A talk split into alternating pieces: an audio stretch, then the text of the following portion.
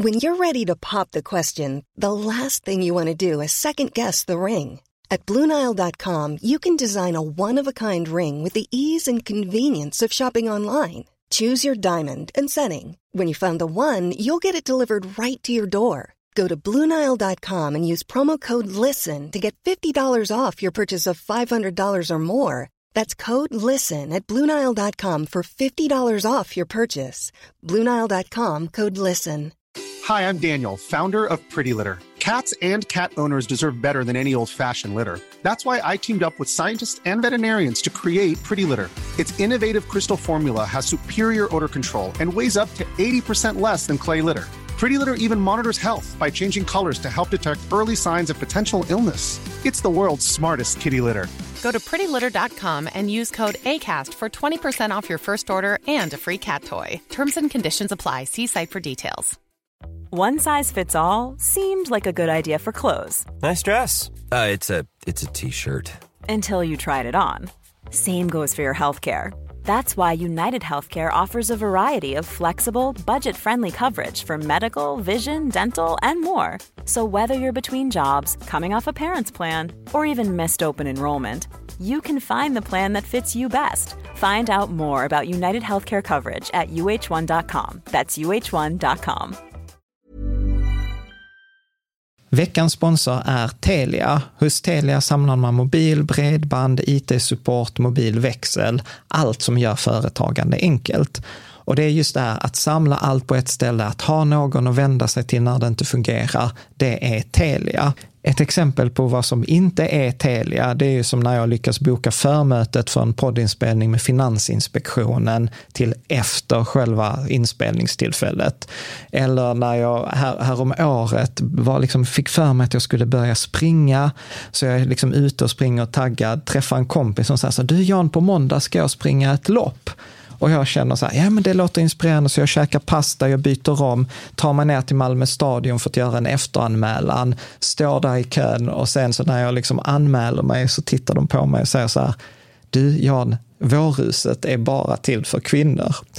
Och eh, det var, det var typisk en situation som inte är Telia.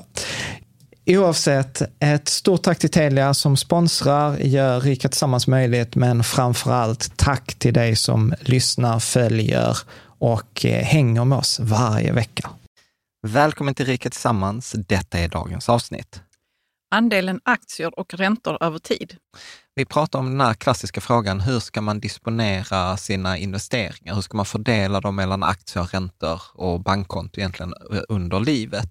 Och där det klassiska är att man ska ha mer risk när man är ung och sen ska man börja trappa ner eh, risken med hjälp av att välja räntor när man blir äldre.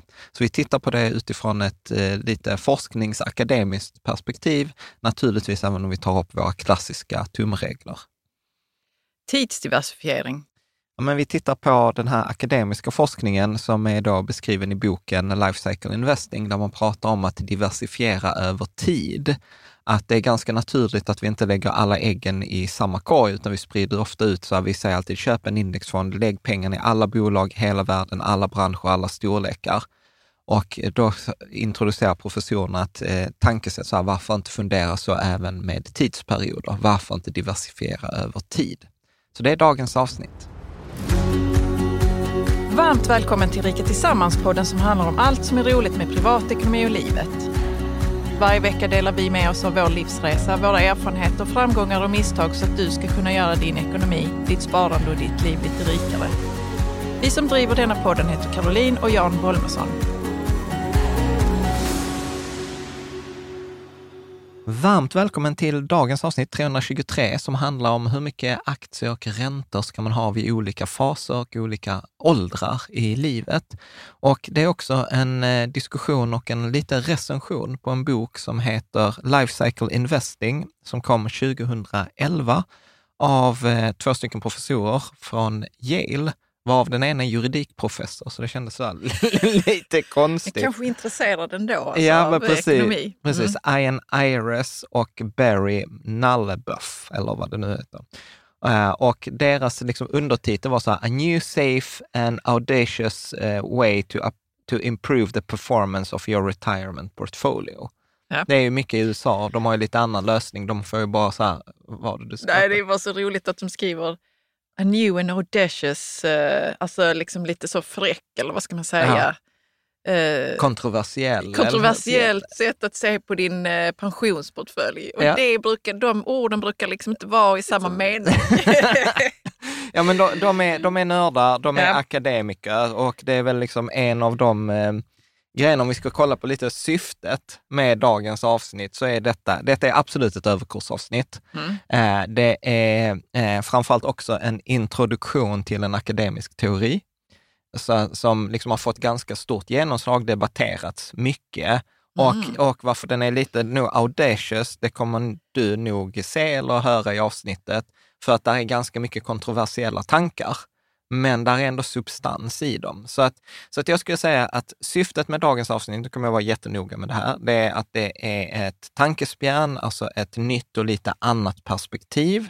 Eh, att kunna ge en ökad förståelse. Så detta är mer ett avsnitt så här, jag blir lite klokare, lite smartare, jag kan argumentera med argument som, som inte så många andra argumenterar med. Men det är inte så mycket så här, nu går jag och gör något annorlunda i min portfölj. Det kan absolut bli så. Det kan men, bli så, Det kan okej. bli så, men, men det är lite, lite, jag läste, jag har naturligtvis läst andra recensioner på denna boken och två andra oberoende recensioner var så här, don't try this at home kids. Liksom. Att eh, inte, liksom inte, syftet är verkligen inte att du ska gå ut och göra någonting Nej, jag, konkret. känner, jag känner mig faktiskt väldigt taggad på detta Ja, nu. vad bra. Och, och jag ska säga så här, det går knappt. Det går knappt. Detta är, Ja. Mm. det är en bra teori. Men framförallt så kommer det ge en ökad förståelse och det kommer ge, kunna hjälpa dig att fatta informerade beslut i vissa sådana här val. Liksom, hur ska jag till exempel i min pension, ska jag välja traddliv eller ska jag välja aktier, alltså fondförsäkring? Ska jag, Mm. Det kommer ge en ökad förståelse till exempel till AP7 Sofa, hur Mm. de resonerar när de fick skit för något år sedan, också av en så här professor som sa att de borde inte använda hävstång. Eh, eh, etc. Det ger också förståelse till förra avsnittet. Det var ju så jag kom på detta avsnittet. När jag gjorde researchen till den här med amortera och investera, så kom jag över den här och så var jag så här, gud, detta var ett annat sätt att, att, att tänka. Det är alltid spännande ju. Ja, Mm. så att, och, och sen så blir det också att det blir en twist på, vi har ju haft uppe det här med humankapital som vi kommer gå in på, det har vi, kommer vi också ge en twist på. Så att det blir också ett sätt, hur kan jag tänka på helheten kring min ekonomi? Så att det är kanske lite mer trygghet. Eh, och naturligtvis som alltid så ser jag det lite som starten på en diskussion i forumet. Ja. Att, eh, Men du sa att den, den eh, publicerades för typ 12 år sedan. ja, Och då, och då tänker jag, och så sa du att det har fått stort genomslag, men är det liksom under den här långa tiden? Jag, jag är bara nyfiken nu, tar det lång tid? Innan, när en bok blir publicerad och har liksom sån här lite kontroversiella tankar och så, tar, liksom, tar det så tio år innan det liksom sipprar eh, ut eller Kan- kan- landar liksom Ja, i men- Sverige? Ja, men kan, jag vet inte, jag har missat detta tidigare och Mm. anledningen till varför jag har följt detta var för att ja, men jag har på senare tid börjat lyssna lite på så professorer och läst och, och framförallt så har jag liksom, jag träffade Jonathan och fikade. eh, Ja, Jonathan, en- som, du får säga något mer om Ja, Jonathan. men Jonathan, han Mm. kommer komma i ett par avsnitt. Han är nog en av de mest intelligenta människorna jag känner och han är så här, du vet, ja, men tänk om livet handlar om att samla på sig principer som funkar i alla situationer och som är hjälpsamma. Och en av de grejerna vi pratade om så här var så här, lura inte dig själv och samtidigt så är du själv eh, den, som, som är, enklast att, att lura. Och så pratar vi så här, tänk om jag har fel. Och det är väl liksom en ganska bra ställe att börja på i sitt liv från tid till annan. Tänk om jag har Ja, fel. Mm. Och eh, då är det liksom några, så kom det faktiskt en, en amerikansk, jag tror från Stanford eller Yale, en professor som har, blev intervjuad också i Rational Reminder, en annan podd, som hette så här, hur går akademisk teori ihop med popular advice? Alltså sånt som vi ger, Ja. alltså sånt som Ja. vi pratar om. Hur väl matchas det i forskningen? Ja, och då har jag liksom börjat säga, okej shit, jag behöver kolla vad som, vad som är i forskning. Och då är detta en av de teorierna som är väldigt logiskt utifrån ett forskningsperspektiv. Ja. Ja. Så att jag vet, det var inte svar på din fråga, men det var jo, lite men bakgrund. ändå, ja, nej, det var inte svar på frågan, men det var spännande svar. Ja, Mm. eh, och sen så tror jag att varför detta nog inte har fått superstort genomslag är för att återigen, svårt, det är kontroversiellt och det är svårt att implementera praktiskt. Men låt oss, Mm. låt oss komma Jag till vill det. köra på. Däremot som jag sa, eh, att jag gillar ju detta starten på en diskussion i forumet.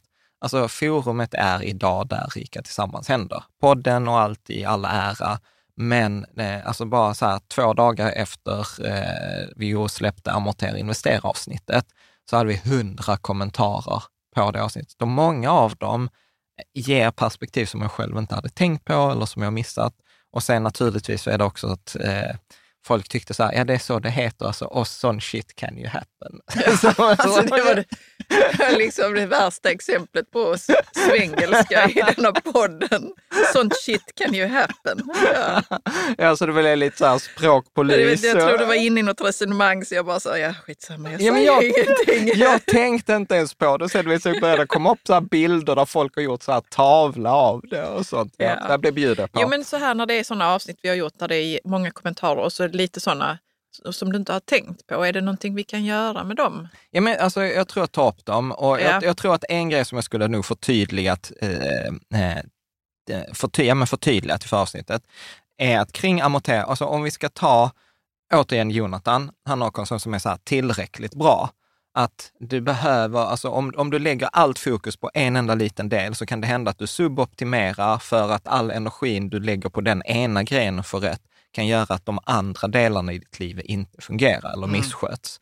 Och, och, och då säger han så här, ja men vad är tillräckligt bra? Och jag tycker verkligen så här, tillräckligt bra i frågan amortera och investera, det är så här, följ amorteringskravet och nummer två, just keep buying. Alltså allt det där som vi pratar om, svenska börsen som är Stockholmsbörsen, det är jättemycket diskussion kring huruvida det stämmer, om det är marknadstiming eller inte, om huruvida har jag ändrat strategi från att säga så här, köp allt och sitt still i båten till någonting annat. Men alltså Just Keep, att köpa Lysa eller Opti eller en fondrobot eller en bred passiv global indexfond, det är fortfarande det som är tillräckligt bra. Ja. Alltså, det, man behöver inte göra någonting annat. Precis som i dagens avsnitt, eh, de här grundläggande rekommendationerna kring år och placering och ålder är tillräckligt bra. Eh, så att, som sagt, läs gärna, läs gärna diskussionen. Det var mycket prat om det här till exempel med humankapital som vi ska ta upp eh, också. Eh, Så jag kommer ta upp kommentarer. Ja, vad bra. Och, och jag kan säga också att dagens avslutning i dagens avsnitt bygger också på en kommentar från JFB i forumet. Mm. Så att Mm. det, tänk så här, jag kan ha koll på en viss grej, men är vi liksom tusentals människor som det är i forumet, då blir det en helt annan Ja, det är grej. som en mastermind. Liksom. Ja, men verkligen. Mm. Snyggt. Lite riskinfo innan vi hoppar rakt in. Då är det så här, eh, dagens avsnitt är lite, eh, försök inte göra detta hemma. Eh, eller var, liksom, var väldigt försiktig. Allt sparande innebär en risk. Man kan förlora hela eller delar av sitt insatta kapital och den risken blir ännu större med hävstång och belåning. Så att om det är farligt liksom, eh, i vissa avseenden att investera vanligt kapital, investerar du med hävstång så blir det dubbelt, eller liksom, då ökar du risken. Och sen mycket av det vi pratar om idag kommer också vara så här, historisk avkastning är inte en garanti för framtida avkastning. Läs mer på riketillsammans.se villkor. Mm. Grymt. Ska vi köra då? Mm. Så.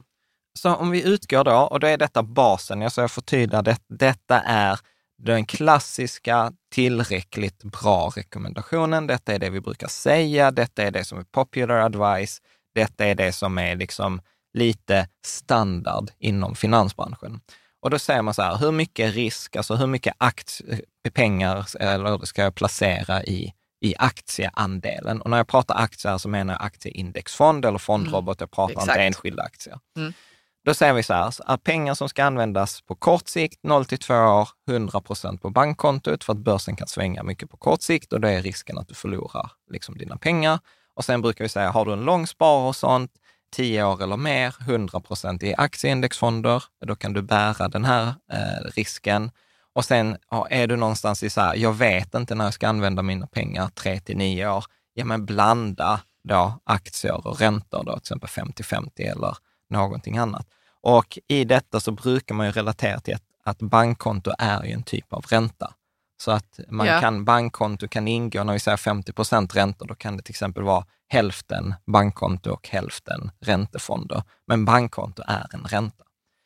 Alternativt till detta så brukar man ibland säga så här, ha 10 år i aktier per sparhorisont. Så har du tre års sparhorisont så 30 procent i aktier, vilket går i linje med det som jag sa tidigare. Och sen är det många, om man googlar eller så här klassiskt råd i finansbranschen är till exempel, ja men någonstans, ta en faktor någonstans mellan 110 och eh, eller 100 och 120 minus din ålder i aktier. Så att om, om du är, om vi tar som på 120 och minus 40, då är det 80, ja, då ska du ha 80 procent aktier när du är 40 år gammal. Ja. Det är också en sån här klassisk. Sen är det mycket debatt, ska det vara 100, 110 eller 120? Men någonstans där Det är ändå rätt stor skillnad ju. Ja, Eller? ja, det är det väl. Eh, men, men återigen, alltså så här, Är det, beror det på vad man själv vill då? Kanske? jag tror att det beror på lite vem man pratar med, men poängen här tror jag är fortfarande så här, är du, är du yngre så har du mer tid och då ska du ta mer risk. Ja. Det, det är väl det som är poäng. Eh, och, och sen så är också det klassiska sån här popular advice, är då att man ska spara 10 procent av sina inkomster. Så att, eh, och det, det kommer vi ta en annan, annan gång, för det är också en professor då i USA som tycker så här, men spara 10 procent av dina inkomster, det är inte supersmart. För att eh, där de pratar om att den akademiska teorin är istället att använda något som heter consumption smoothing, att det är bättre att du håller din konsumtion konstant och sen efterhand som din lön ökar, då sparar du mer. Medan att spara mycket när du inte har pengar och ska bygga upp ditt liv är ganska dumt. Så att den säger så här, liksom, se det snarare att man sprider ut sparandet. Att vissa perioder kanske du ska spara 25 procent och andra perioder ska du spara 0 procent. Eller vissa perioder ska du till och med låna. Så att, eh, så att det är återigen eh, lite skillnad. Ja. Vad tänker du? Ja, men jag tänkte på det, jag ska inte ta upp ett framtida avsnitt, men jag tittade ju på hur mycket inkomst jag har haft totalt i mitt liv hittills. Ja, det kommer ett annat. Det Ja. kommer ett annat avsnitt, men sen så funderade jag så här, hmm, tänk om jag hade sparat 10 procent av min inkomst hela tiden. Alltså det var väldigt svårt att räkna på Mm. eftersom inkomsten varierade så mycket, men jag, jag håller på med det. Så det hade blivit svinmycket pengar. Ja. Ja, Om, det bara, om jag bara hade så, följt det rådet, spara Ja. 10 Ja, och då har du förmodligen inte ens räknat ränta på ränta på det. N- Nej, nej, nej. Det är svårt att räkna på. Ja, men precis. Nej, men det, kom, det kommer. Vi kommer att prata, pengar vi kommer att prata om det. Men, men bara liksom... Liksom det, råd till en ung människa. ja, precis. Do it. Ja, då Ja. tror jag att detta avsnittet är egentligen nästan viktigare. Men Mm. bra. Men jag tänker så här, eh, här har jag en bild på Anna. Anna är AI-genererad och eh, hon är 30 år gammal och hon jobbar, eh, hon, har, hon har pluggat färdigt för något år sedan och hon har varit iväg och rest och nu har hon liksom typ jobbat. Och Hon extra knäcker som modell. eh, ja, typ. hon är väldigt... Då blir de alltid så snygga, de AI-genererade människorna. ja. Ja. Eh, nej, hon extra knäcker inte som modell. Hon har en lön på 40 000 eh, innan skatt, så lite högre än snittlönen i Sverige. Hon sparar 2 000 kronor i månaden Mm. och eh, hon har även en buffert på 20 000 eh, kronor.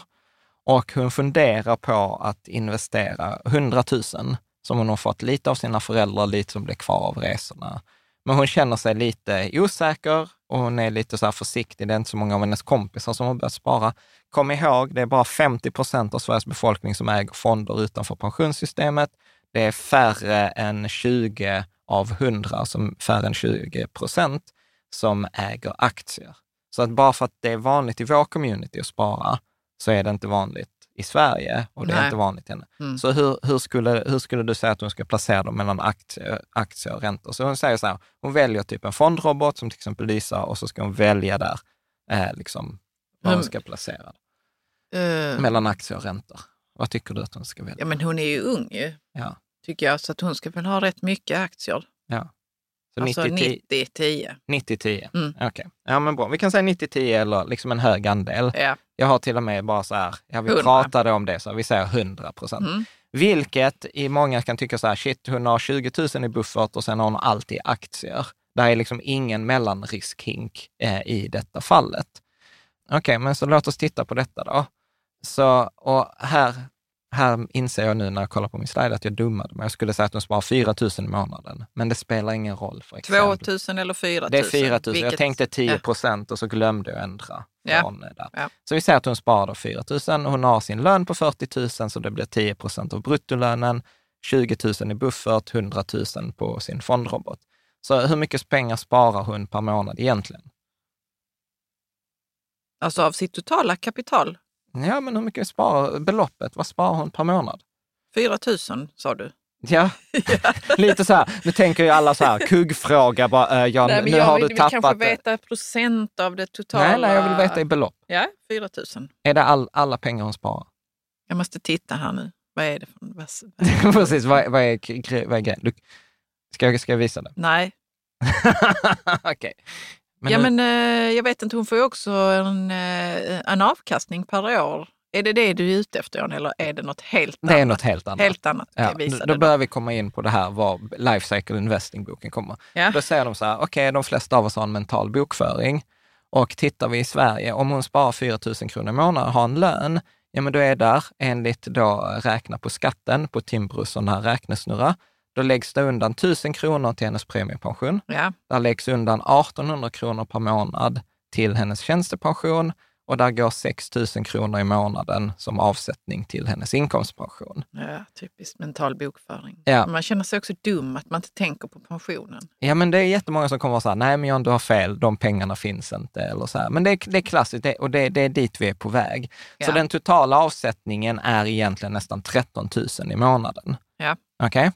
Så att det, det, är liksom det första, att börja liksom ta ett steg bakåt och börja titta på helheten i sin ekonomi. Så vi har fortfarande då Anna. Så hon, eh, hon bor i en hyresrätt, så hon har ingen bostad. Hon har kanske lite CSN, men inte så himla mycket. Och hon har det här sparandet på 100 000 kronor. Så hur mycket pengar har hon egentligen? Karo vill inte svara, hon bara liksom... Nej, men jag känner att jag behöver tid att tänka. Jag vet inte, John. Säg det. Okej, okay, så låt oss titta då. En genomsnittlig ja. Eh, sån här 30-åring då. Inkomstpension, om hon då har jobbat sen eh, typ eh, sen 2023, hon har jobbat lite vid studierna etc. Så inkomstpension på runt 300, tjänstepension på någonstans mellan 50 och 100, premiepension på någonstans 25 till 50. Hon har sin buffert på 20 och hon har sin fondrobot på 100. Så att inte orimligt att säga att hon har eh, sex mellan, ja men runt en halv miljon. Ja. Okej? Okay? Mm.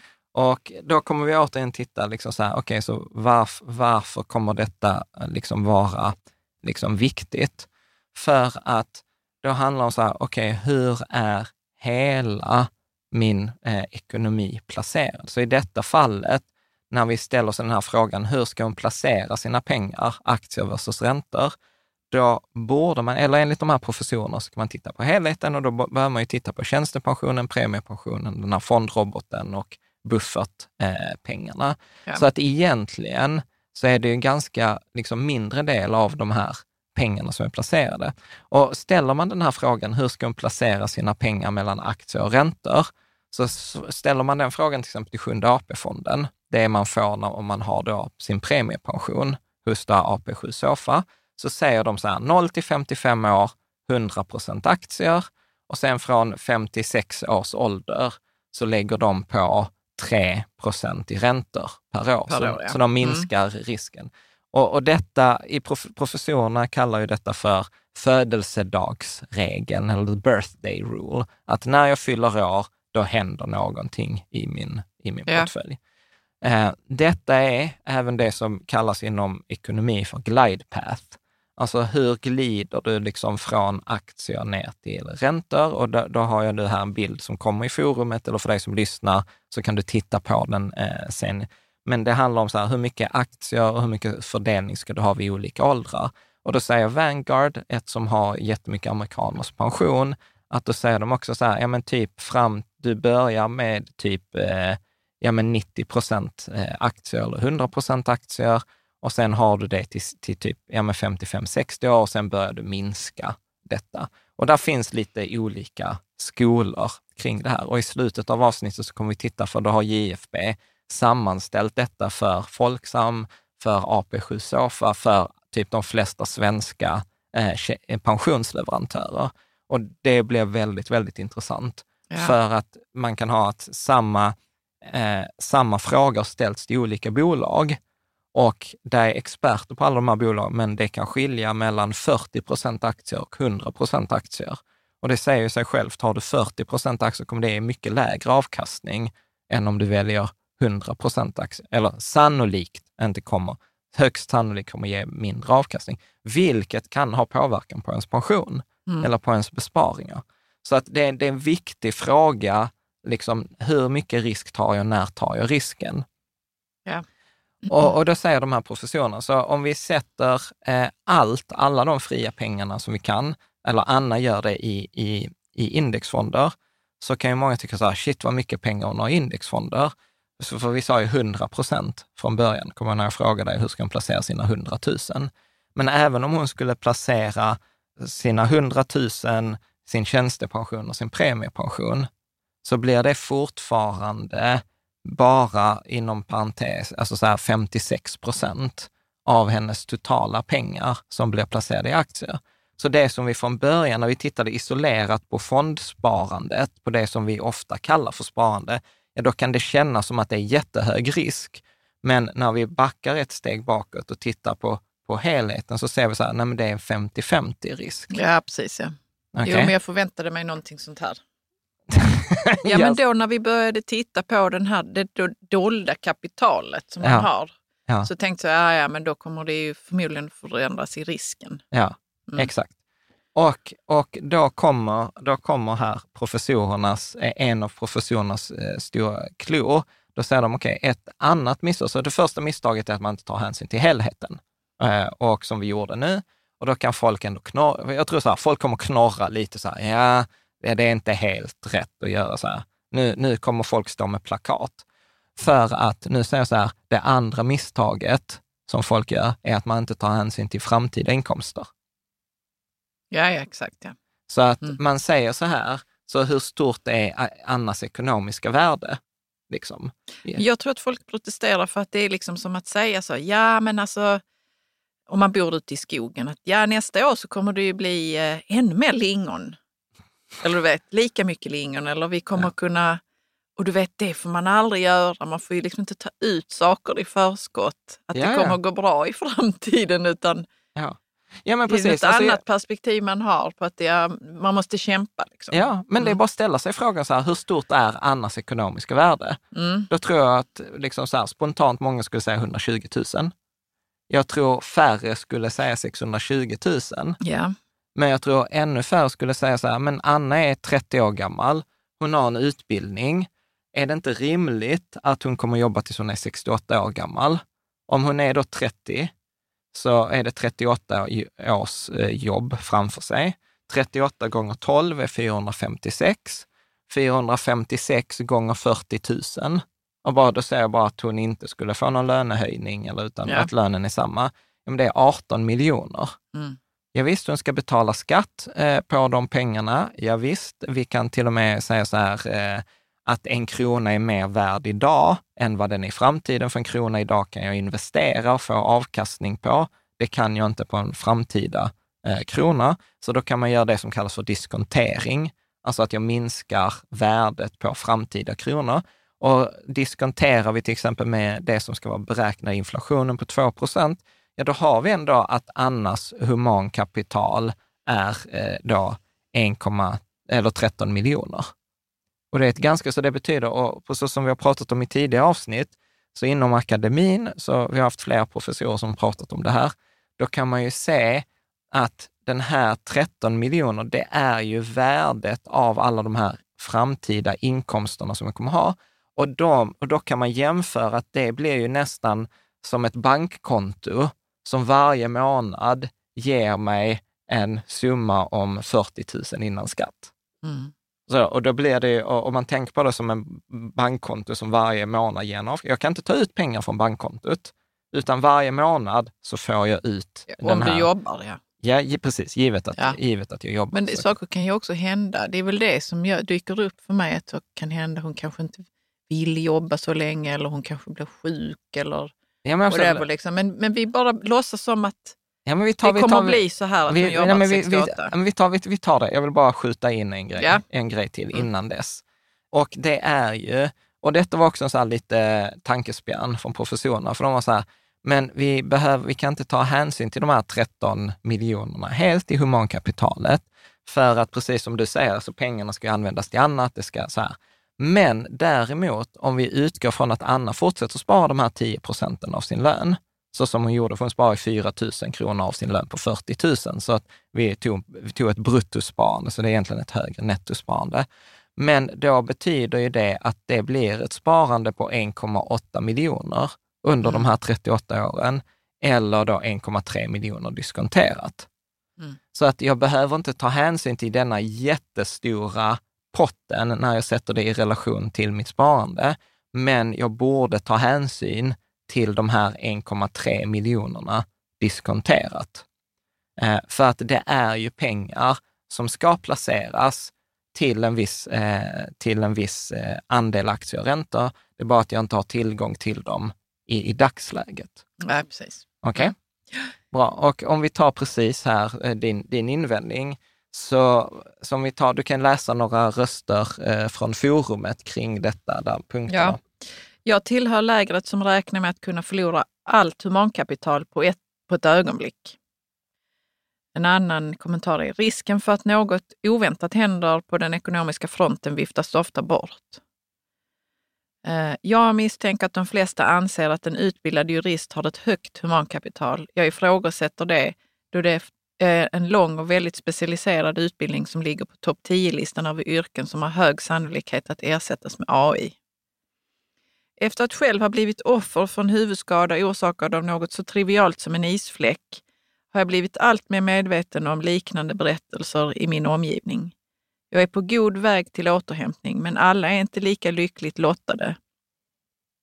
Utan mitt privata skydd från försäkringar skulle min situation troligen vara mycket värre. Ja, ja, men det är så exakt sånt som dyker upp för mig också. Ja. Alla tankar.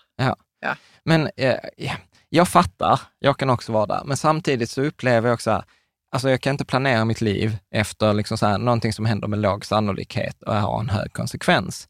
Bör jag däremot han, alltså minimera risken? Absolut. Eh, och, och, och hur kan jag minimera denna risken? Ehm. det var någon som pratade om försäkringar. Exakt, exakt. Så har jag ett högt humankapital så är det väl rimligt att också försäkra det. Att, eh, att till exempel ha sjuk, eh, sån här både sjukvårdsförsäkring eller sjukförsäkring. Och jag vet också att vi har en diskussion i forumet huruvida man ska ha en sjukvårdsförsäkring. Men att man kan ha, det finns i alla fall eh, försäkringar för att hantera den här risken. Och det kan ju peka på att det blir ju kanske än viktigare i, i ett sånt här scenario. Faktiskt. Eller till exempel ha så här, men har jag den här pensionsinbetalningen, kanske jag ska ha en premiebefrielse. Så att om jag inte kan jobba så fortsätter till exempel pensionsbolaget att betala in pengar i mitt pensionssparande. Till exempel, det har ju du och jag. Eh, så till exempel skulle det hända någonting för dig och mig och vi inte kan driva bolaget, ja men då kommer de fortsätta betala in de här pengarna till tjänstepensionen. Eh, Etc. Så att jag, jag upplever ändå så här, jag fattar till exempel den sista skri som skriver så här att jag har blivit uppmärksam i min omgivning. För det, det, det är klart, har man varit med om någonting själv, så ett, så är det en klassiker så att man upplever att sannolikheten för att det ska hända är mycket större än för någon som det inte har hänt. Och man blir naturligtvis mycket mer medveten om, om det där. Ja, så att bra. Men, men då, de här två professorerna och e, e, akademin generellt, inte bara de två, utan är rätt överens om att, att humankapital bör ta hänsyn till när man tittar på sin ekonomi, när man tittar på sitt sparande utifrån ett, e, ett livscykelperspektiv. Och eh, bra. Och tar vi då hänsyn till även det här eh, diskonterade framtida värdet av hennes sparande i han, hennes aktieexponering, så har vi gått från 100 till typ 50-50 till nu under 20 procent. Ja, Är ni med? Du ja jag du fattar för- det. Så att, så att Men det är hennes... som att man undrar, så, vad ska vi göra åt det då? Ja, precis. Vad tror, du, vad tror du att man ska göra åt det? Hon har redan 100% exponering av sitt sparkapital. Precis, av sitt finansiella sparkapital. Exakt. Och denna fråga... Då är det hävstång, eller? Ja, detta var ju en fråga som då en annan professor, som heter Paul Samuelsson, funderade på redan på 70-talet. Och, han fick ju Nobelpris, jag vet inte om han fick Nobelpris för detta, men han fick ju då Nobelpris i ekonomi. Och jag, jag vet att det, det, det heter... inte Nobelpris, ja, vi vet. vet det. Ja. Men, det är Riksbankens pris, ja. ja. Mm. Eh, så då kan du läsa vad Paul Samuelsson skrev i, i den här artikeln som hette The long term case for equities. Ja.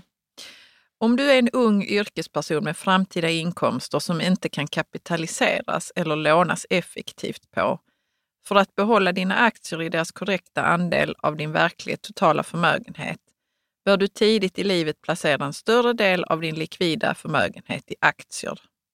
Ja. Så vad, liksom så här, och här kommer ju det kontroversiella i den här livscykelsboken. För då säger de så här, även om Anna då hade dubblat mängden sparande, alltså lånat 100 000 kronor, för hon har sina 100 000 som hon investerar, men hon lånar ytterligare 100 000. Ja. Vilket de flesta skulle tycka är helt crazy. Så pratar vi om att utifrån hennes totala förmögenhet så ökar aktieandelen från 18 till 21 procent. Ja, det är ju väldigt lite. Eller hur? Eller hur? Så, så att hon ligger fortfarande under 25 procent i aktier. Eh, Men i, ändå kan man säga att det, att det kommer att få en påverkan på hennes ekonomi. Alltså, de här extra hundratusen. Om de bara får hålla på ja, ja, ett långt tag. Ju. Ja, men det är klart. Alltså, ja. säg, säg att vi sa att hon har 38 år kvar, mm. minst till pension och säger att hon inte tar ut dem förrän hon fyller 70. Då är det 40 år. Då tar, pratar vi bara den här, bara den här hundratusingen så säger vi att pengarna dubblas ungefär vid 7% eller 8% avkastning, så dubblas pengarna ungefär var tionde år. Så då dubblas de från 100 till 200, från 200 till 400, från 400 till 800. Mm. Så bara detta innebär ju sannolikt 800 000 kronor mer i pension när hon är 70 än, än annars. Mm. Naturligtvis minus räntan för, för lånet och bla bla, men, men återigen, eh, så, som mellan tummen och, mellan tummen och pekfingret. Okej, okay, men det är väldigt spännande att förändringen är högst marginell. Att det gick från 18 till 21 procent. Ja. Som då ligger i aktier. Ja. Och, och, och grejen är så att de resonerar egentligen så här att ja, men, så här, värdet på det här diskonterades framtida sparandet är ju egentligen, alltså, hade detta varit som det mesta annat i livet, så hade man kunnat gå till någon och säga så här, titta värdet av mina, äh, mina äh, fram 40, eller värdet av 40, mina 40 kommande år inom arbetslivet är 18 miljoner. Äh, vi diskonterar det till 13, jag vill ha 13 miljoner i, i lån och så sätter jag mina 40 år i pant. Är med? Ja, fast, ja. Men, men, då är det ju hela... Jag, jag, jag, fattar, okay, jag fattar, men mm. teoretiskt så är det ju vi gör med andra typer av tillgångar eller hur? Men denna marknaden finns ju inte Nej. för, för humankapitalet. Men princip, om man börjar tänka på det på, på, liknande sätt, ja, men då får man ju tillgång till liksom det här lite annorlunda sättet eh, att eh, tänka. Och vad, eh, och, och vad då de här författarna pratar om, de ger massor av exempel. De ger exempel, till exempel när de skrev boken så fick de ett förskott och de sa så här att det, även om vi håller på och skriver boken så är det väldigt svårt att tänka. För de sa så här, jo men vi visste att vi kommer få ett förskott om, om då ett år när vi har skrivit boken. Och så var de så här... Eller de har fått förskottet? Nej, förskottet nej, nej, okay, får du när du lämnar sen, ja. in boken mm. innan, eh, alltså innan, in, innan, precis, innan den har börjat sälja. Eller du kanske får lite delar innan, det är lite beroende på. Men då var de också så här, men om vi skulle då få detta, för, för de handlade typ en halv miljon var, och då var de också så här, nej, nej, men vi tog ju inte hänsyn till detta i vår portfölj, trots att vi visste att den skulle komma om ett och ett halvt år. Och det, det kloka hade ju varit att placera, förändra vår portfölj redan idag för att motsvara hur det kommer bli när vi får de pengarna. Mm. Man sa så här, men det är så, så liksom mental gymnastik att, att göra det där. Och, och vad de beskriver då är att man ska tänka på något de kallar för total dollar years. Ja. Och här kommer liksom hela det liksom nya konceptet. Och då säger de så här, det här total dollar years, det är alltså summan av det sparade beloppet i aktier under en tidsperiod om flera år. Mm. Så ett exempel, så om vi har år ett, att Anna sparar 5 000, år två sparar hon 10 000 och år tre sparar hon 15 000. Alltså inte per månad totalt på Ja. året. Så betyder det att hon har sparat 30 000 kronor. Eller hur? På, på tre år. Och då säger man så här, vore det inte bättre för Anna att ha investerat 10 000 år ett, 10 000 år två och 10 000 år tre, istället för att spara 5 000 första året, 10 000 andra och 15 000 tredje året. Jo, det vore nog bättre. Ja, Ju ett, mer pengar desto tid, ju tidigare. exakt. Mm. För att då, då är det ju mer pengar som får vara med Som på hela tidsperioden. Mm. Plus blir inte risken dessutom lägre, för hon tar ett väldigt stort bett på det sista året, när hon sätter in som mest pengar. Så att vad, vad de pratar eh, om är då temporal diversification, eller tidsdiversifiering. Och detta är väl liksom det koncept som jag tror, väldigt, jag har inte sett så många andra prata om tidsdiversifiering. Att det är ganska naturligt för oss att diversifiera, så att man ska inte ha alla äggen i samma korg. Vi ska diversifiera mellan aktier och räntor. Vi ska diversifiera, vi, vi, vi själva brukar ju säga så här, köp eh, alla, alla företag i alla länder, i alla branscher, i alla storlekar. För vi vet inte vilket, vilket företag som kommer gå bäst. Vore det inte rimligt att föra samma resonemang på tid? Investera alla år så mycket som möjligt, så brett som möjligt, för du vet inte vilket år som kommer att gå bra och vilket år som kommer att gå dåligt. Och ju fler år du investerar i, desto bättre. Och så tänker vi logiskt, men vad vi inte tänker på är att vi investerar i olika summor, olika år. Så vi tar egentligen en högre risk ju äldre vi blir, för då har vi kortare sparhorisont och vi lägger in mer pengar.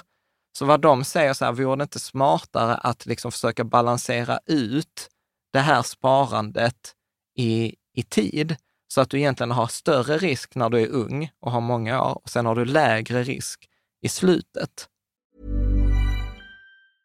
A lot can happen in the next three years. Like a chatbot may be your new best friend. But what won't change? Needing health insurance. United Healthcare Tri Term Medical Plans are available for these changing times. Underwritten by Golden Rule Insurance Company, they offer budget friendly, flexible coverage for people who are in between jobs or missed open enrollment. The plans last nearly three years in some states, with access to a nationwide network of doctors and hospitals. So, for whatever tomorrow brings, United Healthcare Tri Term Medical Plans may be for you. Learn more at uh1.com. There's never been a faster or easier way to start your weight loss journey than with PlushCare. PlushCare accepts most insurance plans and gives you online access to board-certified physicians who can prescribe FDA-approved weight loss medications like Wigovi and Zepbound for those who qualify. Take charge of your health and speak with a board-certified physician about a weight loss plan that's right for you.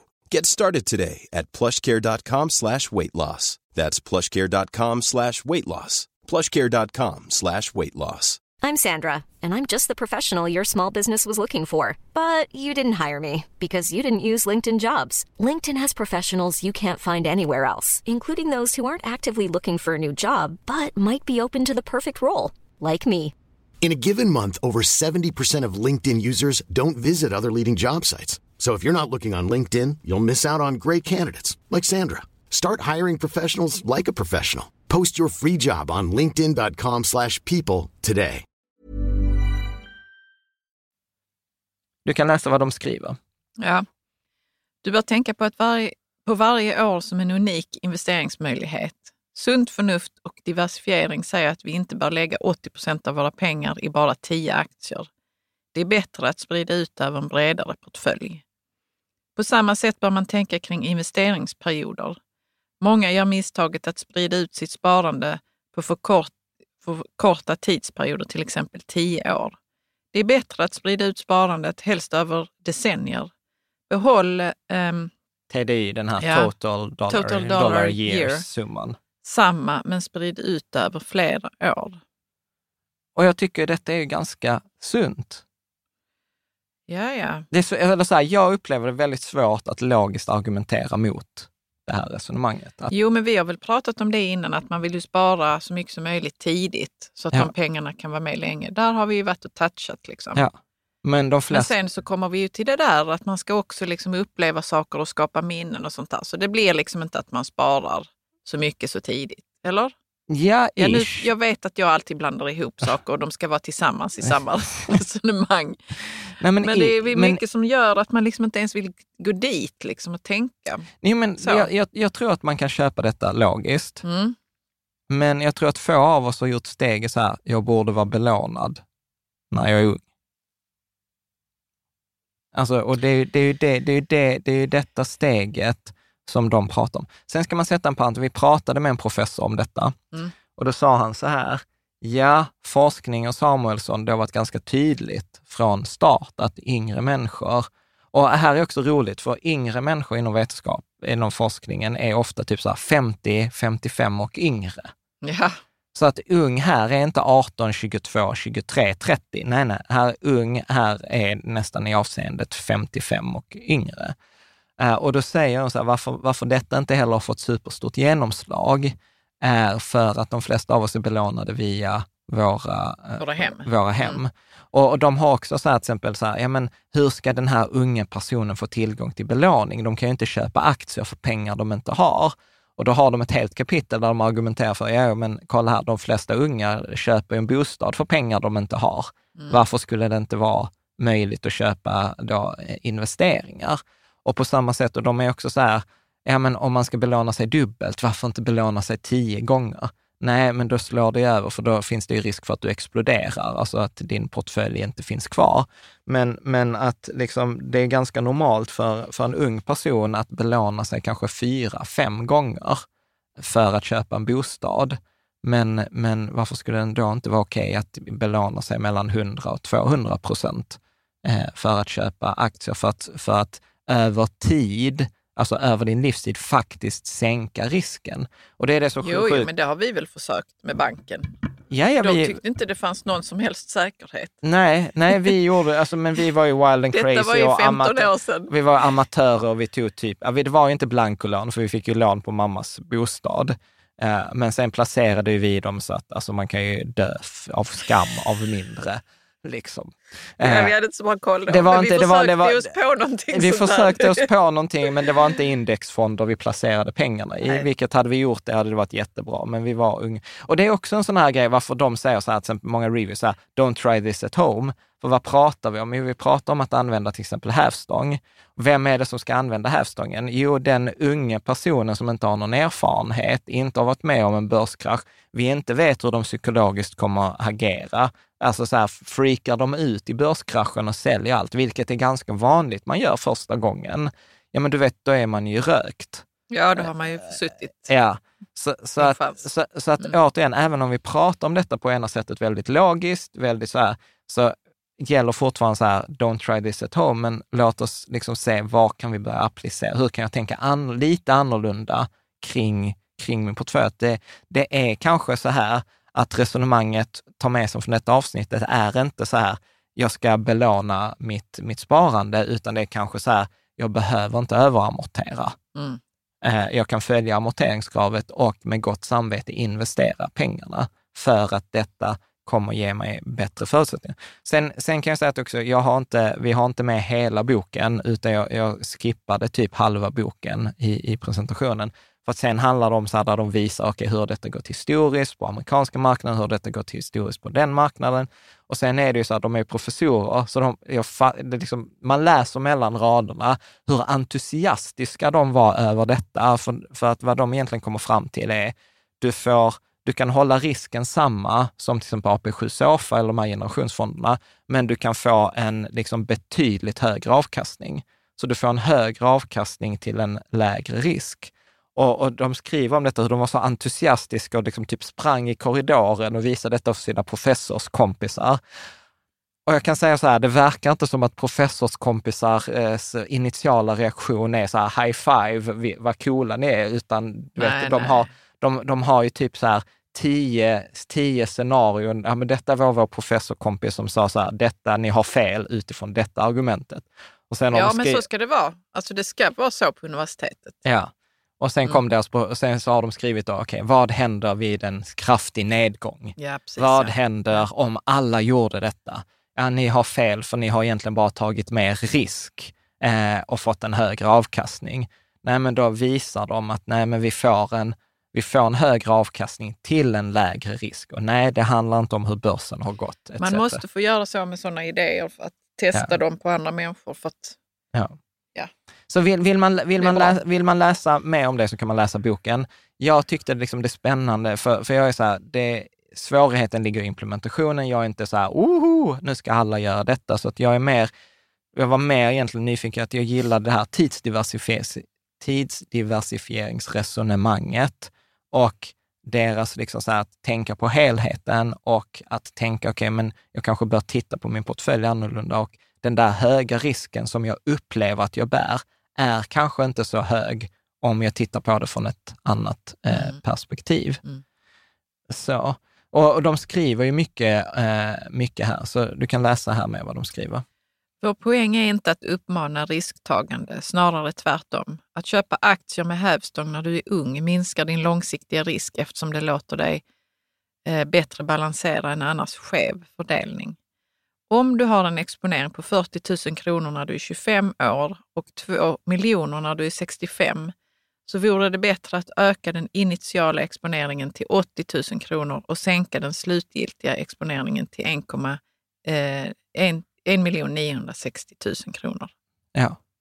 Och, och, och återigen, svårt att argumentera mot. Mm. Det är klart att det är bättre att ha en lägre risk i slutet när vi har den här till exempel sequence of return-risken. Det vill säga så att ja, jag blir väldigt beroende av hur aktier går sista åren innan pension och därför rekommenderar man ju många att börja sänka risken eh, för att inte vara så beroende av hur börsen går ett, Ja. ett enskilt år. Bra. Eh, och sen, ja som sagt, då, de, de, diskuterar de här alla typerna av eh, invändningar. En av dem är ju så här, men vad händer om börsen faller och du har hävstång? Då har du en liksom mycket större förlust. Så den här 25-åringen, säg att du har 200 000 och börsen faller med, med 60 procent. Då har du ju eh, förlorat 120 000 men du hade egentligen bara 100 för att eh, du lånade 100 000, så det betyder att du har de facto noll.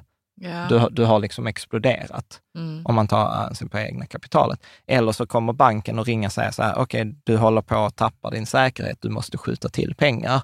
Och har du inte pengar så blir du av med det. Då skriver de så här, Självklart är det inte roligt att förlora 60 procent eller mer. Men det är mycket bättre att göra det när man är 25 än när man är 65. För det första så har du många fler år på dig att lösa problemet. De kommande 40 åren kan du jobba hårdare, spara mer eller konsumera mindre. För det andra kommer du ha betydligt mindre pengar investerat när du är 25 år än när du är 65. Om Anna förlorar 60 procent av 200 000 så är det 120 000. Det kommer kännas men är hanterbart. Att förlora 60 procent när man är 65 år är ett allvarligt problem. eh, oj, så, och vi kan, du kan fortsätta läsa. Det centrala misstaget många unga investerare gör är att ignorera värdet av sitt framtida sparande.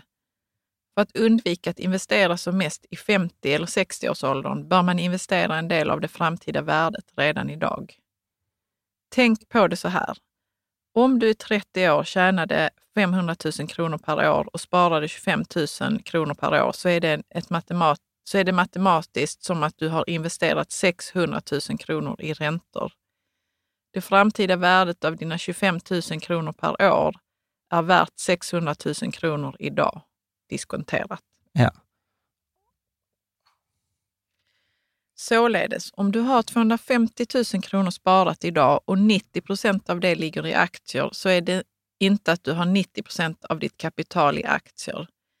En mer korrekt bild är att du har 225 000 kronor i aktier och 625 000 kronor i räntor. Det vill säga att det är bara 26,5 procent i aktier. Och det vill säga att investera lite mer i aktier är inte så riskabelt som man först kan tro. Egentligen är det Ja, betydligt... det, det, det har jag skrivit till, Ja. det sista.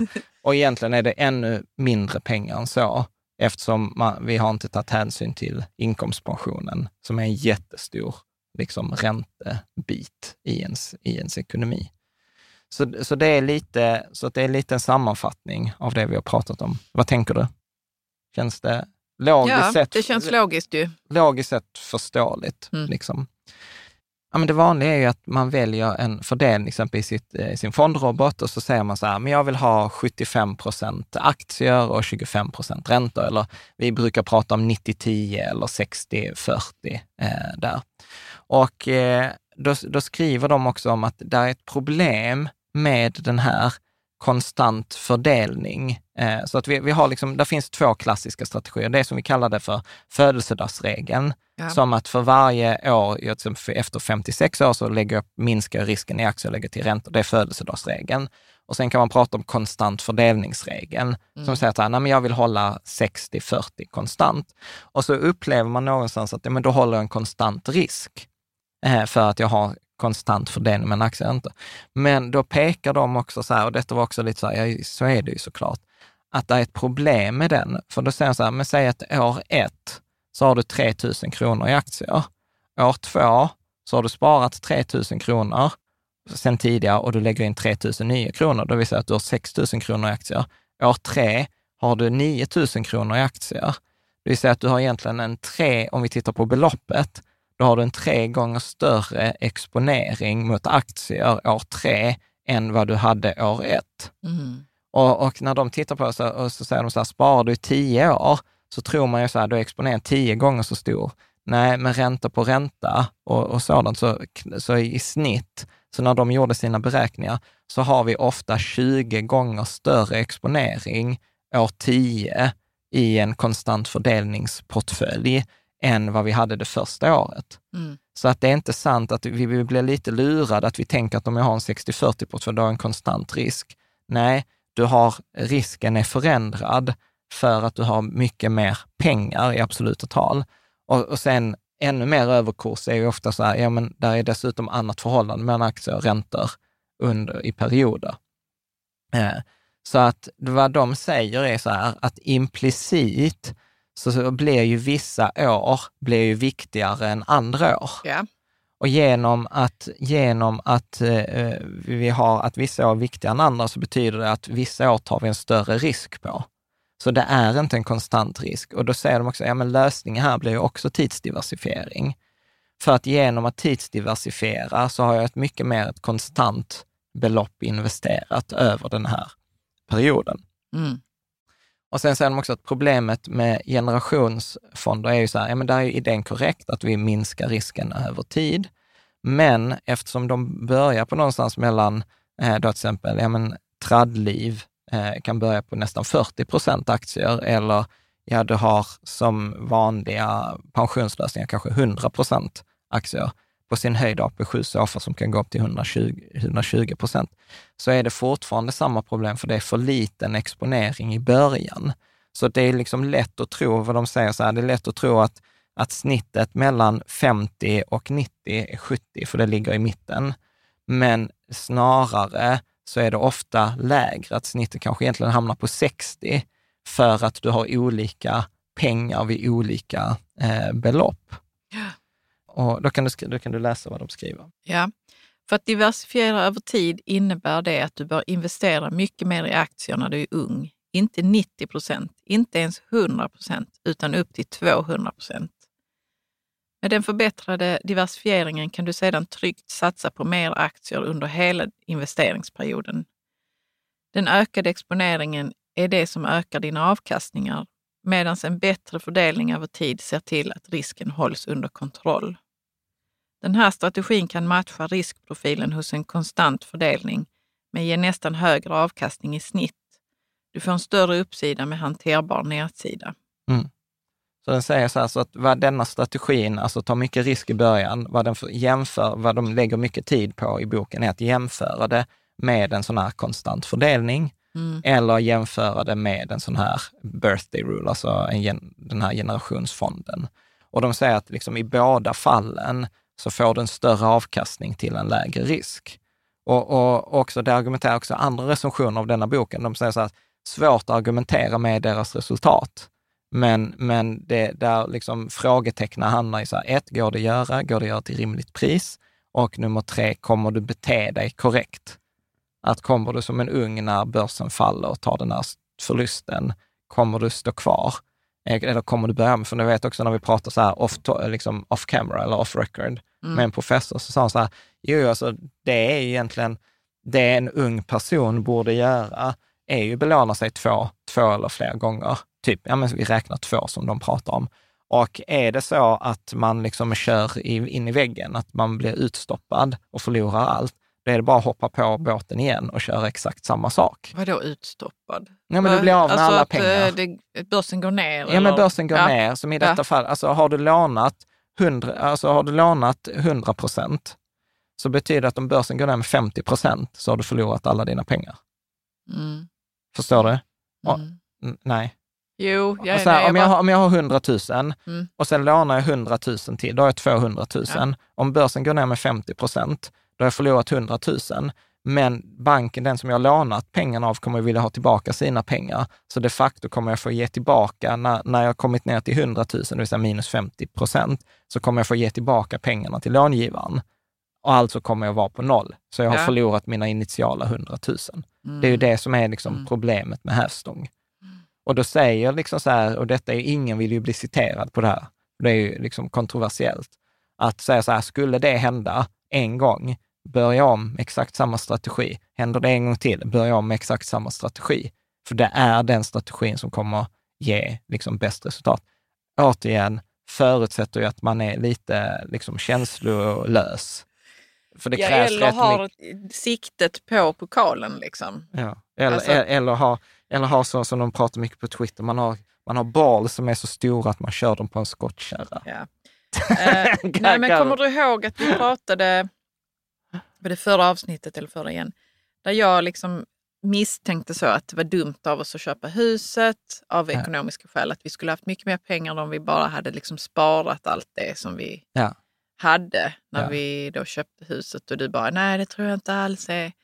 Här kommer det ju väl till pass att fundera på igen. Ja, ja. För att vi har ju belånat oss. Vi har ju en hävstång och vi har ju vårt humankapital som finansierar det, Ja. vårt framtida.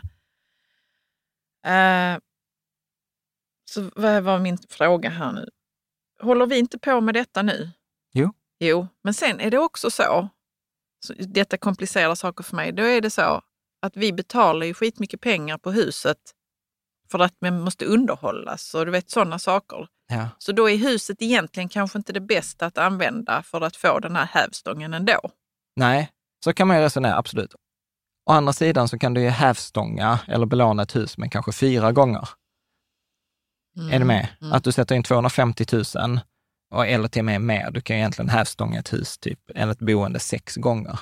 Alltså har du 150 000 så kan du, låna en, så kan du köpa ett hus för en miljon. Du kan låna Mm. 850 000.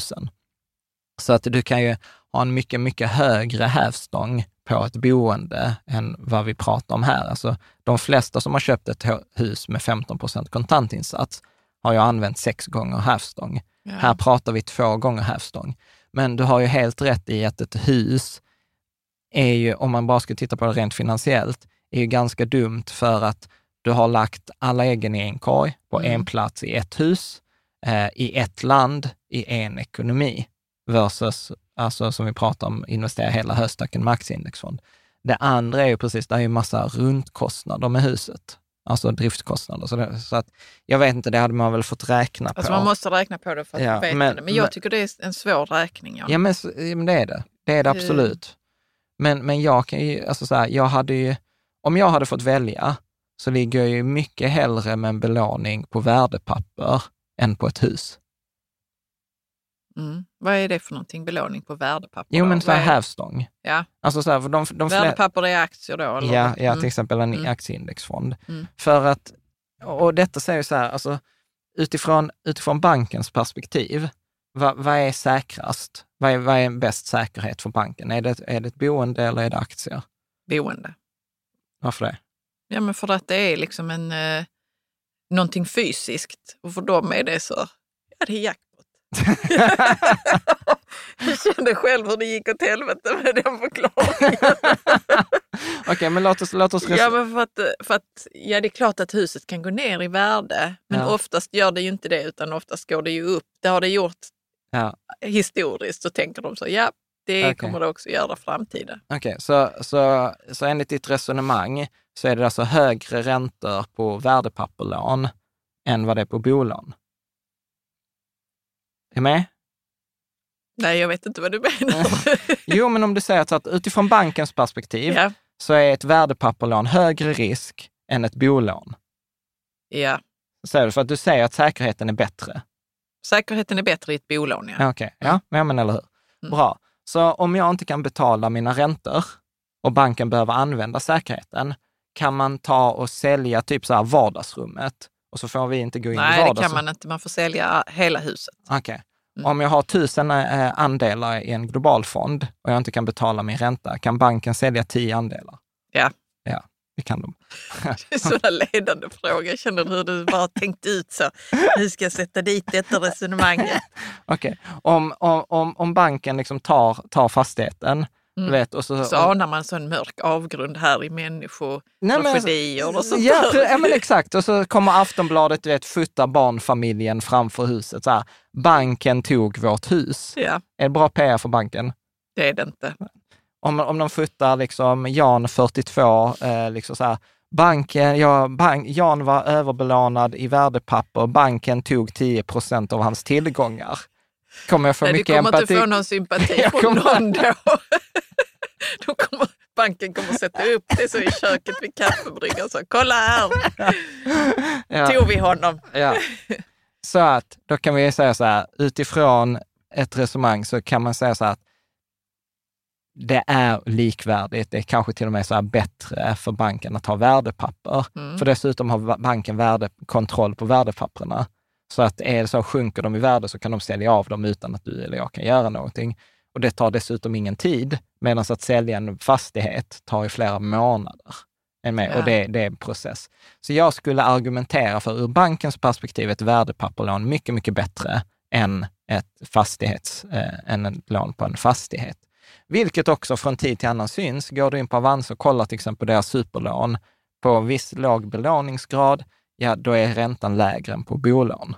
Ja, absolut. Och sen, men sen, så att man får hela tiden liksom för och nackdelar, man får väga.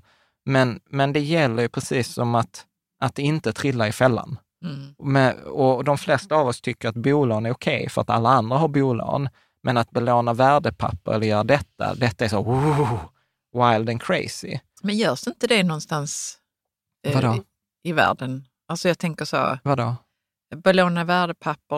Jo, eh, men du kan göra det på Avanza eller Nordnet. Ja, jag förstår det, men lite mer aggressivt kanske. Jo, jo, alltså absolut. Du, har du kan sen kan Alltså du av var- finansinstitut och sådär, Jo. eller företag. Absolut. Mm. Det är det ofta som när det går åt helvete, då har man Då använt har för man mycket. gjort för mycket. Ja. Mm. För det är ingen som hindrar en att också låna mycket mer. Men då Mm. tar ju liksom det här tills du Mm. blir ut, det här margin call. Det finns ju till och med en film från vad, 80-90-talet som heter margin Nej, call. 2000 någonting. Okej, ja men bra. Vi har ju... Ska vi, ska vi hoppa Ja. tillbaka Ja. till avsnittet? Så de, de pratar om det också så, här, så att det är tre distinkta faser i livet som man har och de beskriver det med metafor med den lilla flickan eh, som eh, jag tänkte på vår yngsta. Du vet, där, står en eh, cookie jar, alltså en kakburk på diskbänken.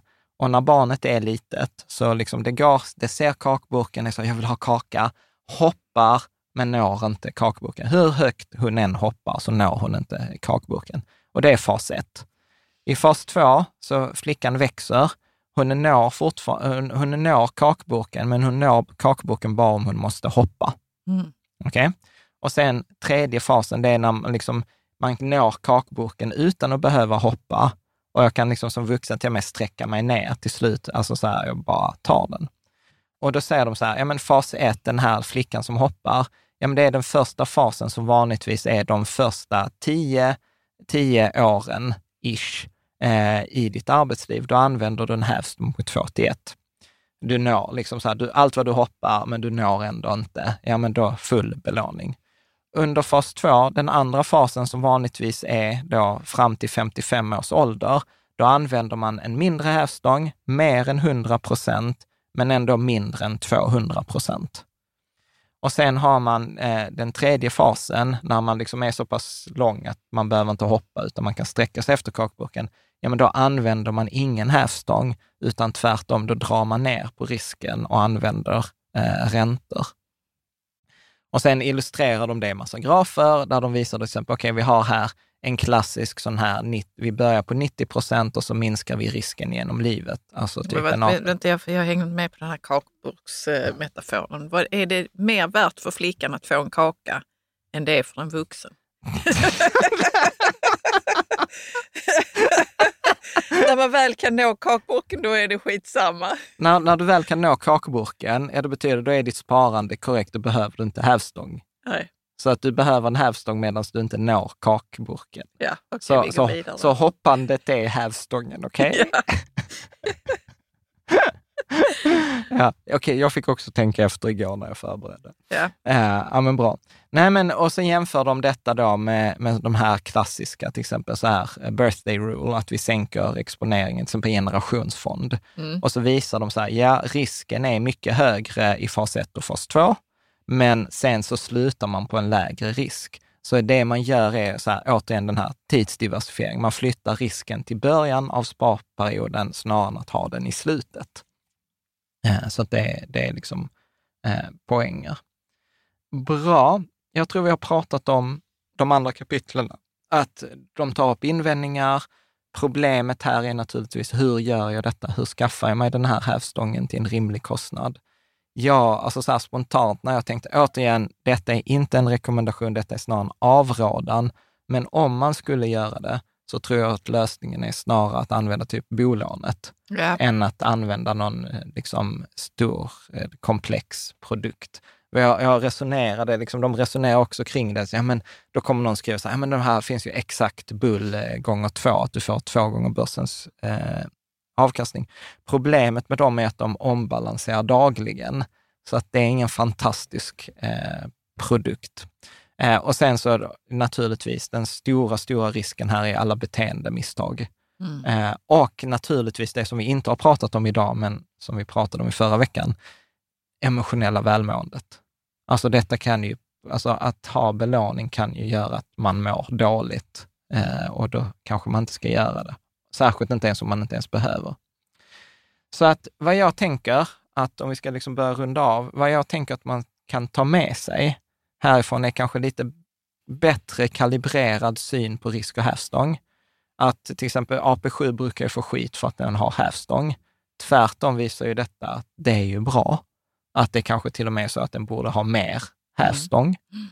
Eh, jag tänker att det är nyttigt att tänka kring det här diskonterade värdet av ens framtida sparande. Att gillar man inte humankapitalresonemanget, som många har skrivit så här, det är pengar. Ja, men låt oss göra en variant. Låt oss skita i hela kakan, utan låt oss titta på bara värdet av det framtida diskonterade sparandet. Eh, jag tänker att detta med diversifiera i tid, alltså att flytta risken i tid, har jag inte riktigt tänkt på tidigare. Nej. Och sen så tänker jag också det här med att fundera liksom på glide path, alltså hur mycket aktier ska jag ha per, per olika ålder. Mm. Vad tänker du? Vad tar du med dig? Jag tar också med mig det med att eh, fundera över tidsaspekten. Eh, jag vet inte vad jag ska göra med det riktigt. Alltså detta avsnittet. Ja. Men det är nog bara som du säger ett eh, tankespjärn eller tankegymnastik. Ja, och att kanske inte... Ja, men jag, jag, jag, tror som sagt att de två stora konkreta värdena, det är så här, ett, titta till exempel om, om man har en sån här, man står och funderar på till exempel traddliv. Ska jag ha traddliv i min, äh, i min pension? Ska jag, hur ska jag tänka kring risken? Borde jag ta lägre risk till exempel? Man är sugen på att pilla ner risken från 100 till 80 procent. Mm. Nej, jag kanske inte behöver göra det. Jag kanske, alltså står det att kanske se, att egentligen se helheten, titta på sin ekonomi utifrån ett helhetsperspektiv, snarare än bara så här, hur mycket har jag investerat i det sparandet? Det känns också som att det är viktigt, eller att man som vuxen kan göra någonting för sina barn och ungdomar. Liksom. Både så i, i att liksom, utbilda dem mm. i ekonomi, ekonomi och ekonomiskt tänkande, men också så här hjälpa dem med det tidiga sparandet kanske. Ja. Och säga så, nu är det så här att detta som vi sätter här, det kommer att utgöra merparten av vad du har senare. Ja. Liksom. Men där, där är, jag vet ju att där är vissa, vissa i forumet som har gjort det. Det var någon som var så här, nej men jag sparar inte till mitt barn, jag satte in 50 000 när det föddes och nu har det en utdelning på 600 kronor i, om året eller månaden Mm. eller vad det Mm. var. Så att, ja, det finns olika, olika sätt kring det där.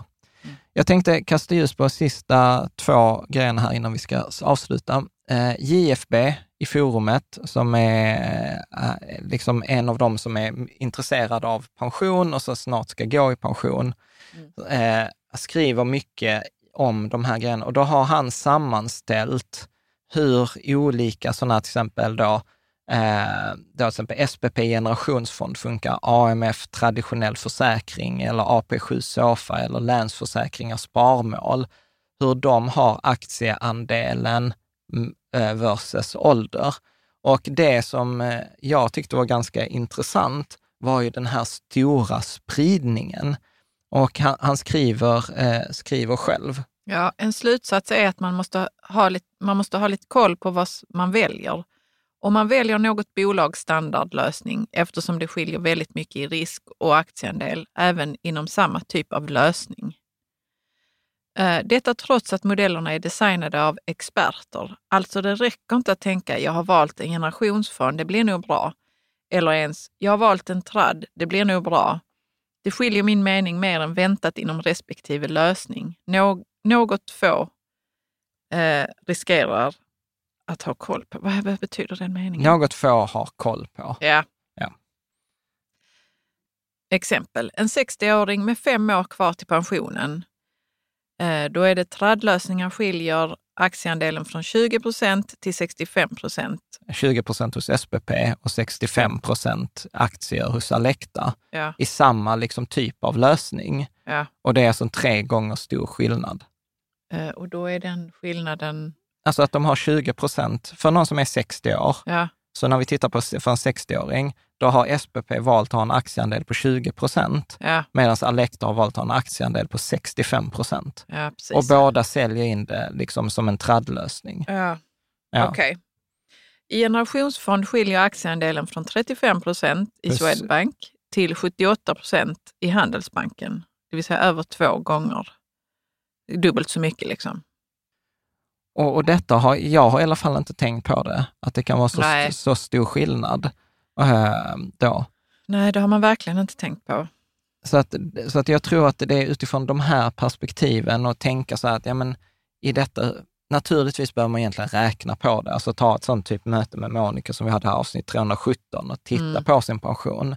Men, men jag blir ju liksom så här, jag tror inte alla de på Skandia eller de pensionsföretagen har funderat på detta vi pratar om nu.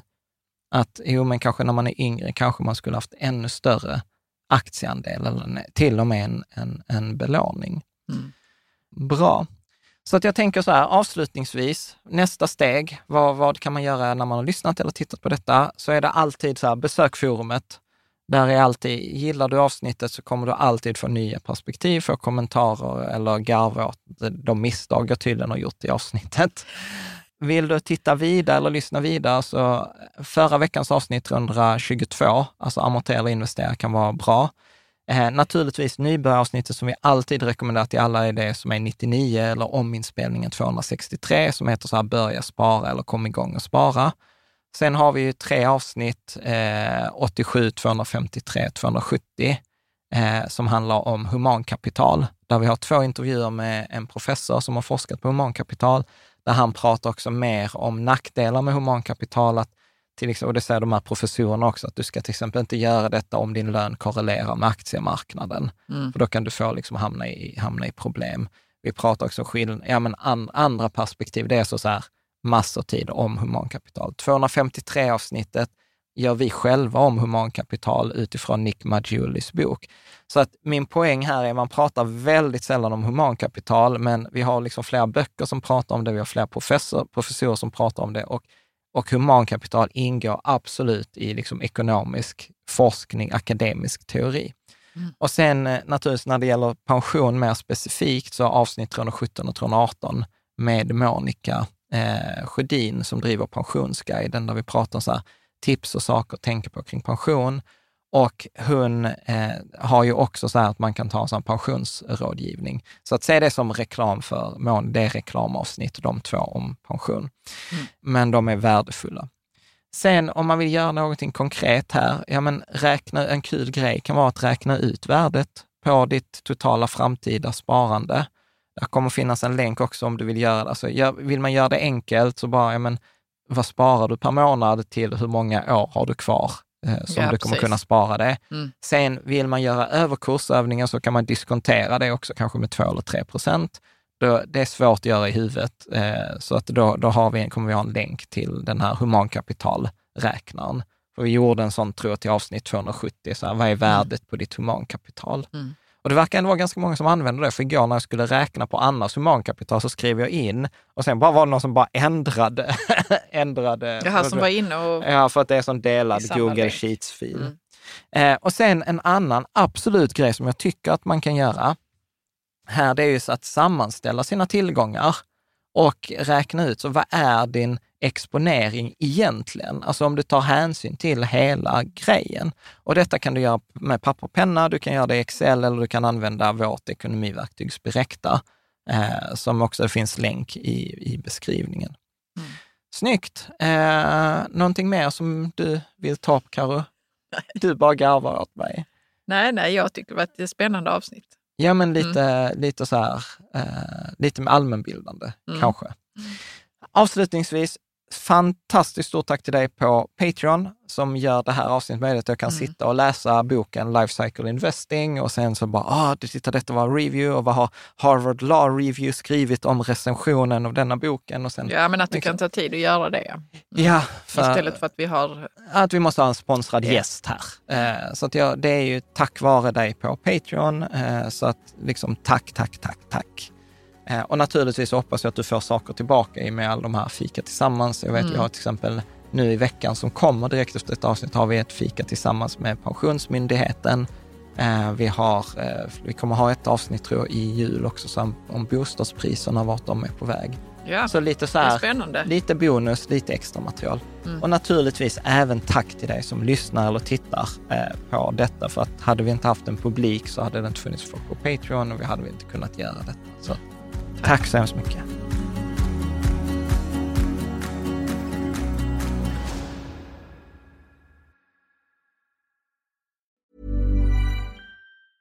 Mom deserves the best, and there's no better place to shop for Mother's Day than Whole Foods Market. They're your destination for unbeatable savings, from premium gifts to show-stopping flowers and irresistible desserts. Start by saving 33% with Prime on all body care and candles. Then get a 15-stem bunch of tulips for just $9.99 each with Prime. Round out Mom's menu with festive rosé, irresistible berry chantilly cake, and more special treats. Come celebrate Mother's Day at Whole Foods Market.